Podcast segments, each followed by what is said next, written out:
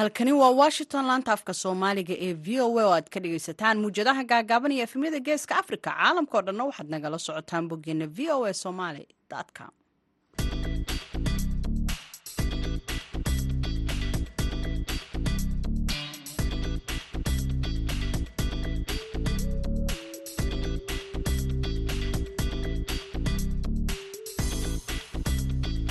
duhur wanaagsan dhegaystayaal waa arbaco bisha janaayana waa shan iyo labaatan sanadka labada kun iyo saddex iyo labaatanka. Afrikada bari saacaddu waxay tilmaamaysaa kowdii iyo barkii duhurnimo.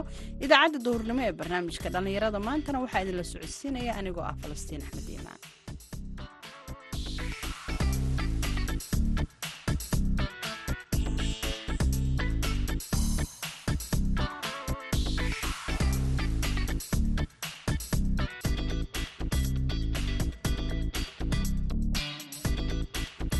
qodobada aad ku maqli doontaanna waxaa ka mida dhallinyaro ku dhaqan gobolka sool oo si mutadawacnimo ah u sameeyey ololo nadaafadeed waxbarasho iyo mid caafimaad. Urka dhallinyarada midnimo wuxuu si joogtaa u qabtaa maalin kastoo khamiis ah ololaha nadaafadda. Qodobka labaad waxaa weeyaan taageeridda waxbarashada. Ururka dhalinyarada wuxuu ka qayb qaataa inuu kor u qaado waxbarashada deegaanka.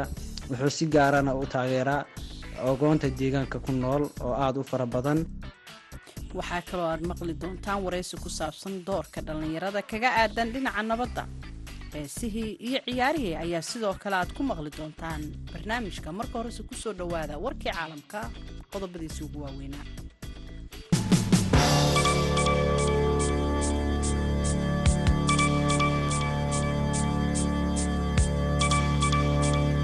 maamulka kuuriyada waqooyi ayaa amar ku bixiyey in shan maalmood la xiro caasimada pyongyang iyadoo ay sii kordhayaan cudurrada neef mareenka ee aan la cayimin sida ay sheegeen diblomaasiyiin ruusha iyo xarun warbaahineed oo fadhigeedu uu yahay siyool wakaaladda wararka ee nort kuriya ama waqooyiga kuuriya oo soo xiganaysa ilo ku sugan kuuriyada waqooyi ayaa markii ugu horreysay ka warbixisay xanibaadan iyadoo sheegtay in dadka deegaanka pyongyang looga baahan yahay inay guryahooda joogaan oo ay maraan hubin in ay qandhahaysa iyo in kale taasi oo ah mid qasab ah arbacada ilaa iyo axadda. Ogeysiiskan ay dowladda kuuriyada waqooyi ku sheegtay xanibaadda ma aysan sheegin covid inuu yahay iyo in kale. Wakaaladda wararka ee wadankaasi ayaa waxa ay sheegtay inaanay caddayn in xanibaadan ay ku jiraan meelo ka baxsan pyongyang iyo in kale qoraal ay soo dhigtay facebooka safaaradda ruushka ee pyongyang waxay ku xaqiijisay in xilligan uu sare u kacay ama uu jiro sare u kac iyadoo tallaabadan ay tahay mid lagaga hortegaya faafitaanka cudurka. Waxaana lagaga dhawaaqay magaalada arintaasi sababo la xiriira korarkii ugu dambeeyey ee xilliga waqtiyadan ama cimiladan oo kale cudurrada neef mareenku ay kordhaan. Bayaanka ruushka oo soo xigtay amar ka soo baxay taliska gurmadka deg dega ee kuuriyada waqooyi ayaa lagu sheegay in xanibaadan ay socon doonto ilaa iyo xadda laakiin la kordhin karo saddex maalmood oo kale iyadoo ay ku xiran tahay hadba xaaladdu sida ay noqoto madaxa hay'adda qaramada midoobey u qaabilsan la socodka nukliyeerka ayaa sheegay inuu u safri doono iiraan bisha soo socota isagoo rajeynaya in dib loo soo nooleeyo heshiiskii ee looga gol lahaa in lagu xakameeyo dhaqdhaqaaqa nukliyeerka ee dahraan isagoo ka hadlayay talaadadii magaalada brussels ee dalka beljimka ka hor xubnaha gudahoosaadka amniga iyo difaaca ee baarlamaanka yurub inta aanay kulmin rafael garosi oo ah agaasimaha guud ee wakaalada tamarta atomikada adduunka waxa uu sheegay in jamhuuriyadda islaamiga ee iiraan ay ururisay toddobaatan kilogaram oo yuraniyam ah oo la tayeeyey lixdan boqolkiiba iyadoo kun kilogaram oo kalena la tayeeyey ama waxoogaa intii hore laga soo wanaajiyey ilaa iyo labaatan boqolkiibana ay nadiif tahay. Walxaha nukliyeerka ku filan oo loogu talagalay dhowr hub nukliyeer ah ayaa jira ayuu yiri mase ahan mid hadda diyaar u ah in nukliyeer laga sameeyo. Heerka sameynta nukliyeerka ayaa waxaa loo arkaa inuu yahay sagaashan boqolkiiba kuwa la nadiifiyey laakiin garose ayaa u sheegay guddiga in kaydka weyn ee iiraan ee yuraniyamta la tayeeyey aysan la macno ahayn inay haysato hub nukliyeer ah grossi sidoo kale waxa uu sheegay in hay'adda atomikada adduunka aysan hadda la socon barnaamijka nukliyeerka iiraan sababtoo ah buu yiri maamulku waxa uu jaray labaatan iyo toddobo kaamaradaha wakaaladda ay lahayd ee ku xirnaa goobaha lagu bacriminayo hubka nukliyeerka iiraan iyo lix quwadood oo adduunyada ah oo ay ku jiraan ingiriiska shiinaha faransiiska jarmalka ruushka iyo maraykanka ayaa waxay saxiixeen qorshaha wadajirka ah ee lagula soconaya dhaqdhaqaaqa hubka nukliyeerka ee iiraan taa beddelkeedana iiraan laga cafinayo cunuqabataynta maraykanka iyo waddamada kale ee reer galbeedka oo ay ku soo rogeen.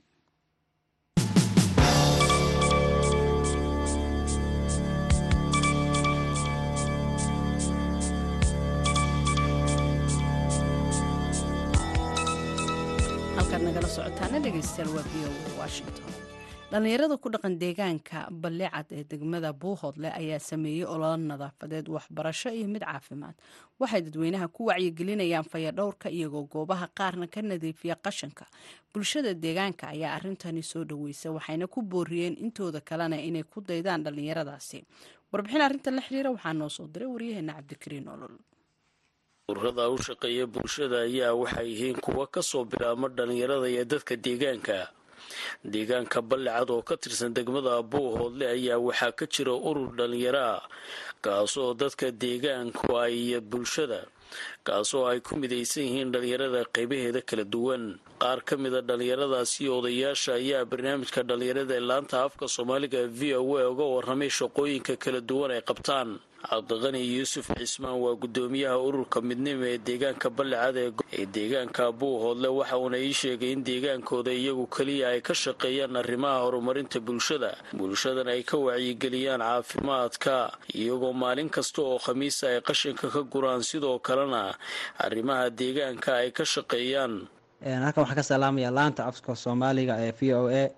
Ururka dhalinyarada midnimo waxaa la asaasay kowdii bishii afraad labadii kun iyo toddobiyo tobanka ururka dhalinyarada waxa uu qabtaa shaqooyin badan.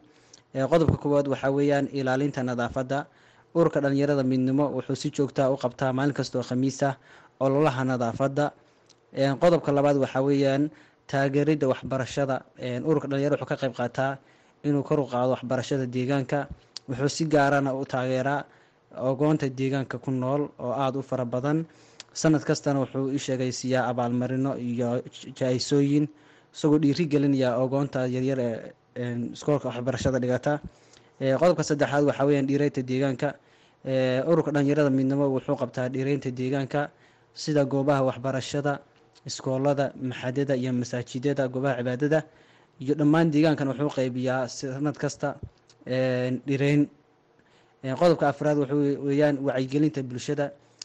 Ururka dhalinyarada wuxuu ka wacyigeliyaa bulshada. Iyo dhammaan dhalinyaradaba waxyaalaha maandooriyaha ama dib u dhaca ku keenaya dhalinyarada iyo dhammaan deegaanka o dhan. Samaysashada ururadu ay dhalinyaradu ay samaystaan ayaa saameyn ku yeelata dhaqaalaha. Oo ururkani ka jira deegaanka ayaa waxa uu yahay kuwa aan iyagu tababaro toosa iyo dhaqaalo midna helin cabdixaafid cabdilaahi yuusuf ayaa ii sheegay in dhaqaalaha ay dhalinyaradu ay iska ururiyaan iyo dadka deegaanka oo ay ka qaadaan lacag hal dollara ay qashinka kaga ururiyaan maalin kasta oo khamiisa isagoona sheegay inay waxyaabo badan ay qabsadeen. Assalaamu calaykum waraxmatullaahi wabarakaatu waa soo dhoweynayaa marka hore bahda saxaafadda v o a laanta af soomaaliga v o a. Ururkan midnimo ee dhaqaalaha uu ku shaqeeyo ee uu sida joogtada ugu shaqeeyaa marka koowaad wuxuu ka yimaadaa laba qeybood buu qeybsamaa labadaas qeybood waxay kala yihiin qaadhaan xubnaha ururku ay bille isaga ururiyaan iyo waxa la yidhaahdo lacag laga qaado lacag hal dollara oo laga qaado qoysaska magaalada degan qoys kasta hal dollar laga qaado. Intaas buu marka hore ku kooban yahay dhaqaalaha ururkan uu ku shaqeeyo. Dhaqaalahaasna waxa lagu qabtaa ama lagu daboolo waxa weeye shaqada uu ururku hayo. Haba ugu badnaato ololaha nadaafadda oo joogto ah oo isaga khamiis kasta la qabto oo gaadhigu uu yahay gaadhi kiraala ah oo khamiis kasta lacagtiisa iyo kiradiisu ay joogto tahay. Sidoo kale dhaqaalahaas kooban ee ururku uu soo ururiyo shaqooyinka lagu qabto waxaa ka mid ah in xabaalaha magaalada lagu wareejiyey deyr hal kilomitr iyo bara oo dhammaantii lagu wareejiyey. Sidoo kale laga bilaabay laguna wado guri uu leeyahay ururka dhalinyarada midnimo oo ka kooban hoolkii shirarka iyo xafiisyadii ururku ku shaqeyn lahaa. Meel fiicanna hadda maraya weli aan dhammaanin. Way jiraan caqabado dhanka dhaqaalaha ka taagan oo marka laga hadlayo soo ururinta dhaqaalaha iyo sida uu ku soo xaroonayo waxaaba laga yaabaa in aan deegaankii sidii loo baahnaa dhaqaalihii looga helin ama aan uga soo xaroonin. Qaadhaanbileedka xubnaha oo kale maadaama ay dhalinyaro inta badan aan shaqaynin ay yihiin in laba waayaba ama waxa layidhaah uu yaraado oo filashadii la filayay uu ka yaraado bilaha qaar baa dhacda. Iyana waxay ka mid tahay marka caqabadaha taagan ee xagga dhaqaalaha ka taagan. Sidoo kale caqabadaha dhaqaaluhu nagaga yimaado waxaa ka mid a xilliga dhismayaashu ay socdaan oo kale ee guriga ururka oo kale laga shaqeynayay in gaarigii shaqeynayay ee dhagaxa iyo niista iyo wax walba lagu keenayay dhaqaale loo waayo. In kii ololaha nadaafadda lagu shaqeynayay sidoo kale dhaqaalihiisu mararka qaarkood soo taago. Marka caqabadaha dhaqaaluhu aada bay isaga badan yihiin. Inahaas baan si ku soo koobi karaa odayaasha deegaanka ballicad ayaa sheegay inay garab istaageen dhallinyaradani kadib marka ay waayeen adeegyada gaarka ee deegaankooda cid ka shaqaysa. Sida uu barnaamijka dhallinyarada laanta afka soomaaliga v o a u sheegay siciid caydiid cartan bismillaah anigoo ka mid ah odayaasha deegaanka balacad aada iyo aad baan u boorinayaa shaqadan baaxadda leh qiimaha badan ee hayaan ururka midnimo ururkan midnimo wuxuu hayaa shaqo aada iyo aada u ballaarhan taas oo ay lahayd inay qabato dowladda hoose. Maadaama dowlad hoose ayn meesha ka jirin kaalintaa waxaa buuxiyey ururka midnimo. Waxaan codsanayaa in ururkan dhalinyarada ee midnimo laga garab siiyo siday u heli lahaayeen tababaro iyo qalabkii ay ku shaqeyn lahaayeen. Sidoo kale maalin kasta oo khamiisa oo ay qashin gurayaan waxay karaystaan gaadiid. Gaadiidkaas waxaanu jeclaan lahayn in in loo howlgalo sidii ay u heli lahayn gaadiidka. Waxaan ku boorinayaa dhammaan deegaanka balcad ay ugu horeeyaan odayaasha haweenka iyo dhallinyarado sida ay u garab taagan yihiin ururkan midnimo. Runtii waa dhallinyaro aanu idhaahno waxaad dheertihiin deegaanada kale baal dahabana kaga qoran taariikhda deegaanka. Cabdikariin nolol v o a laascanood halkaad nagala socotaana dhegeystayaal waa v o a washington. Markana dhinacii heesaha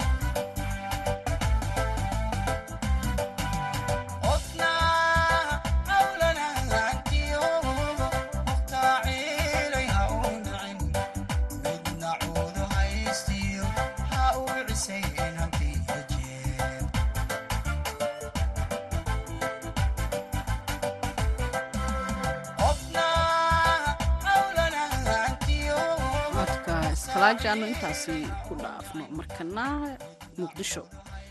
Colaadihii ka jira soomaaliya ayaa sababay in dad fara badani ay ku dhintaan kuwa kalena ay ku waxyeeloobaan waxaana jiray sanad walba qaar ka mida bulshada inay isku tegayeen oo u ololeynayeen nabadda si ay bulshadu markaasi ay ugu diirsato cabdinaasir ismaaciil waxa uu ka mid yahay da'yarta ku koray muqdisho waxa uuna ka shaqeeyaa sidii da'yartu ay uga shaqayn lahaayeen nabadda iyo isdhexgalka bulshada. Wariyaha v o eda cabdicasiis barrow ayaa kula kulmay magaalada muqdisho wuxuuna ugu horeyn wax ka weydiiyey nabadda iyo wacyigelinta uu wado.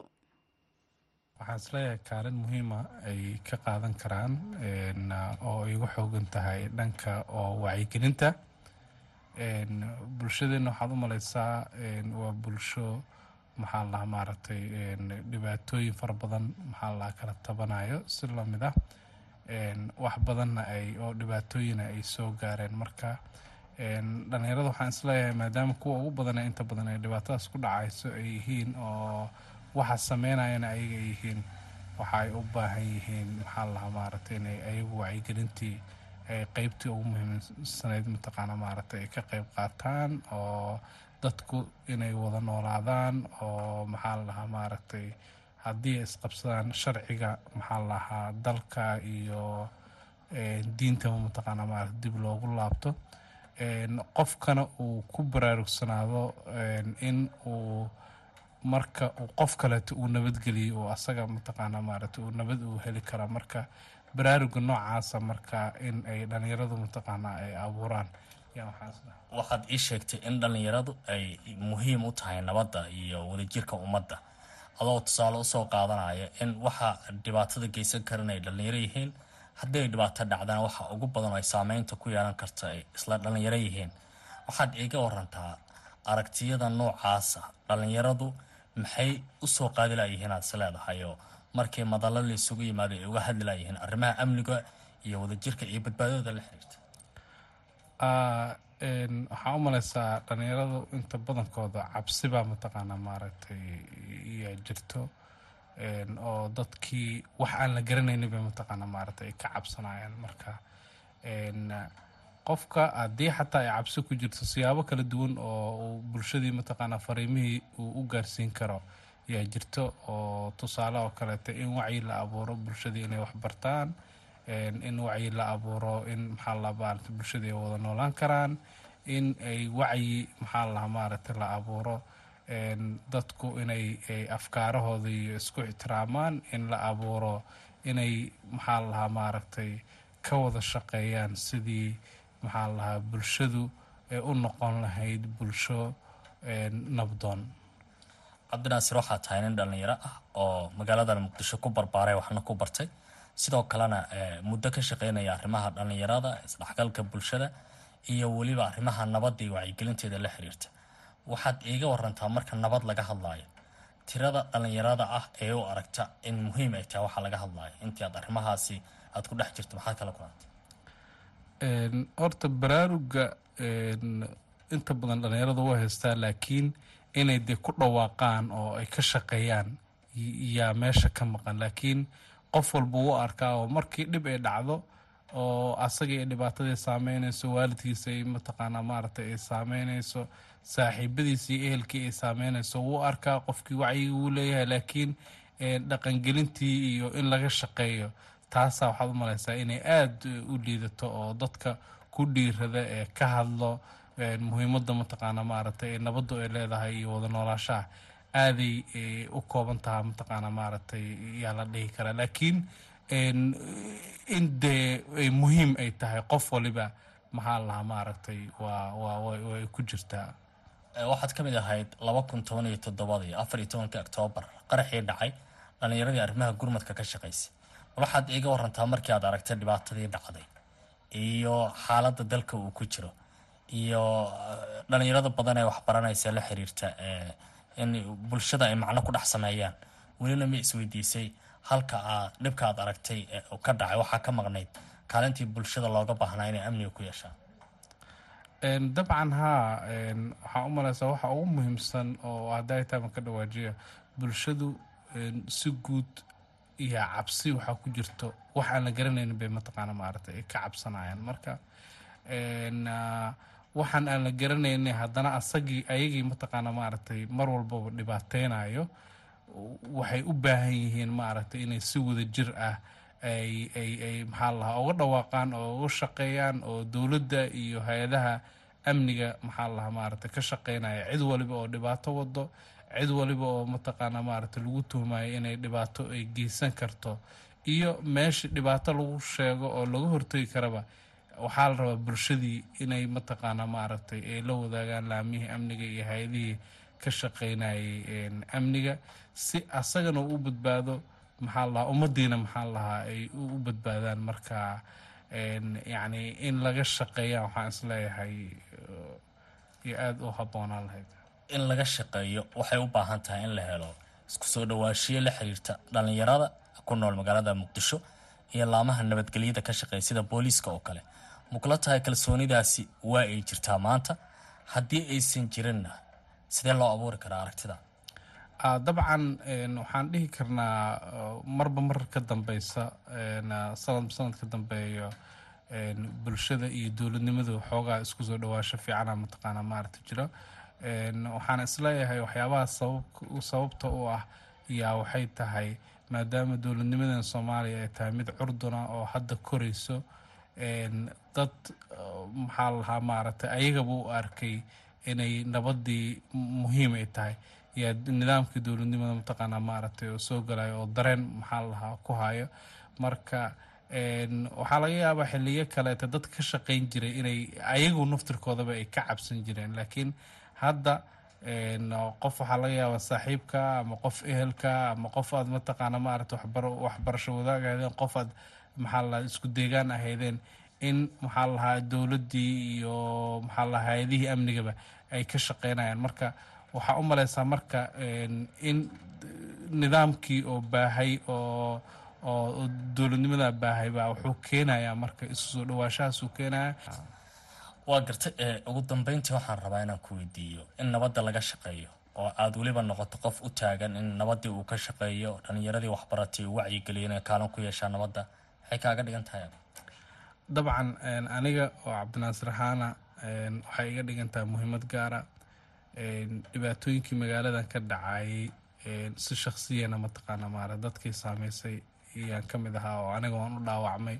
Marka taasaa mararka qaarkood wax badan laxjeclo weyna iga gelinaysaa in aan goobaha oo arrimaha amniga looga hadlayo oo kalete aan maxaa lahaa maaragtay aan ka dhawaajiyo oo iyo si guudba maxaa lahaa maaragtay aragtidaasi la xiriirto xasilinta meelaha aan is leeyahay way ugu habboon tahay inaan afkaarahayga mataqaana maaragtay aan kala gabanin oo aan aan aan ku soo bandhigo. Marka qof walibana taasoo kaletaa mataqaana maaragtay laga rabaa. Haddaysan xataa aysan ku saameynin beritay ku saameyn doontaa. Marka in uu qof walbaba uu ambasador maxaa lahaa maaragtay uu nabadda u noqdo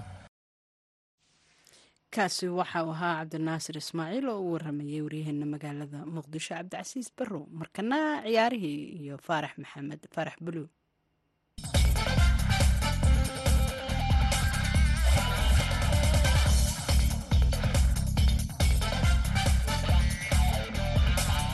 kulanti wanaagsan dhegeystayaal meel kastoo aad joogtaan kuna soo dhowaada xubinta ciyaaraha maanta aan ku bilownay iyadoo ay shan maalmood ka dhiman tahay suuqa kaliibsiga ciyaartooyda ayaa waxaa weli ka adeeganaya kooxda chelsea oo aysan kharash garaynta welwel weyn ku haynin. Kadib markii ay dalabaad cusub u gudbisay ciyaaryahanka khadka dhexe ee kooxda benfica enzo fernandes ee u dhashay waddanka argentina iyo ciyaaryahanka kale ee garabka midiga ee kooxda leon ee lagu magacaabo malo gasto sida laga soo xigtay majalada talyaaniga ee calcio marcato chelsea ayaa benfica u soo jeedisay boqol milyan oo yuuro oo kaash ah iyo weliba ciyaaryahan hakiim sayid si ay ula soo seexato ciyaaryahanka ku guulaysta koobka adduunka fernandes ayaa si weyn loola xiriirinaya inuu benfica ka tago tan iyo markii uu soo bandhigay qaab ciyaareedkii wanaagsanaa ee koobka adduunka ee sannadkii hore taas oo ka caawisay argentiin inay ku guulaysato koobkan chelsea ayaa sidoo kale diyaarinaysa dalab ay kula soo seexato ciyaaryahan malo sida laga soo xigtay e s b n iyadoo kooxda horyaalka premier leaga ay ka warqabto inay ku qaadan karto afartan milyan oo yuuro si ay ula soo seexato difaaca aadka loo qiimeynayo. Ciyaaryahankan oo ka soo baxa akademiyadda leon ayaa sidoo kale lala xiriirinayay kooxda manchester united waxaana inkasta oo heshiiskiisa leon ay ka harsan tahay siddeed iyo toban bilood haddana la sheegaya inuu xiiseynayo inuu ka ciyaaro horyaalka ingiriiska isagoo dhinaca kale og inuu wajihi doono haddii uu yimaado kooxda chelsea reis james oo isna booskaasi ka ciyaara. Chelsea oo ay hareeyeen dhibaatooyin dhinaca dhaawaca ciyaartooyda ah ayaa bishan january soo iibsatay ugu yaraan lix ciyaaryahan. Milkiilaha chelsea tod bial ayaa kharasgareeyey boqol konton iyo laba milyan oo geni bishan january isagoo diyaar u ah inuu maalgelintaas ka badan ku bixiyo kooxdiisa. Dhinaca kalena tababaraha chelsea graham potter ayaa aaminsan inuu heli doono wakhti ku filan oo uu ku dhisay kooxda chelsea xilli ay ku jirto kaalinta tobnaad ee kala horeynta horyaalka. Waxa uu tababara potter qorsheynayaa inuu fasaxo ciyaaryahaano dhowr ah oo ay ku jiraan xakiim sayid oo sidoo kale dalabaadkiisa ku soo biirtay kooxda roma iyo sidoo kale ciyaaryahanka waddanka germany ee kyle havert oo ay il gaara ku eegayaan kooxaha b s g iyo yuventus waxaa intaasi dheer in maamulka chelsea ay raadinayaan tababara zenedin sidani oo shaqo ah waxaana warbixintu intaasi ku daraysaa in ay u soo bandhigeen afartan iyo shan milyan oo geni tababarahan oo saddex jeer ku guulaystay koobka champions leaga si ay ugu soo jiitaan inuu yimaado garoonka stanford bridge. Xubintii ciyaaraha dhegeystayaal maanta waa naga intaa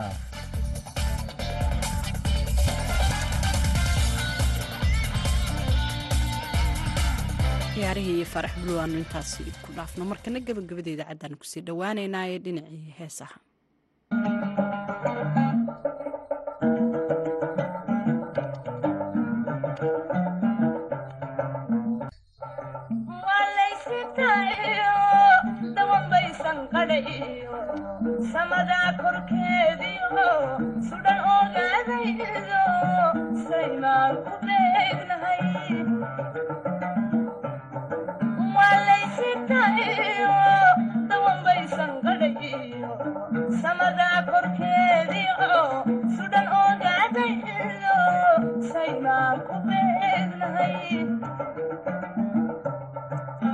saatiyaco dambay naftu igula socotasaatiyaco dambay naftu igula socotaa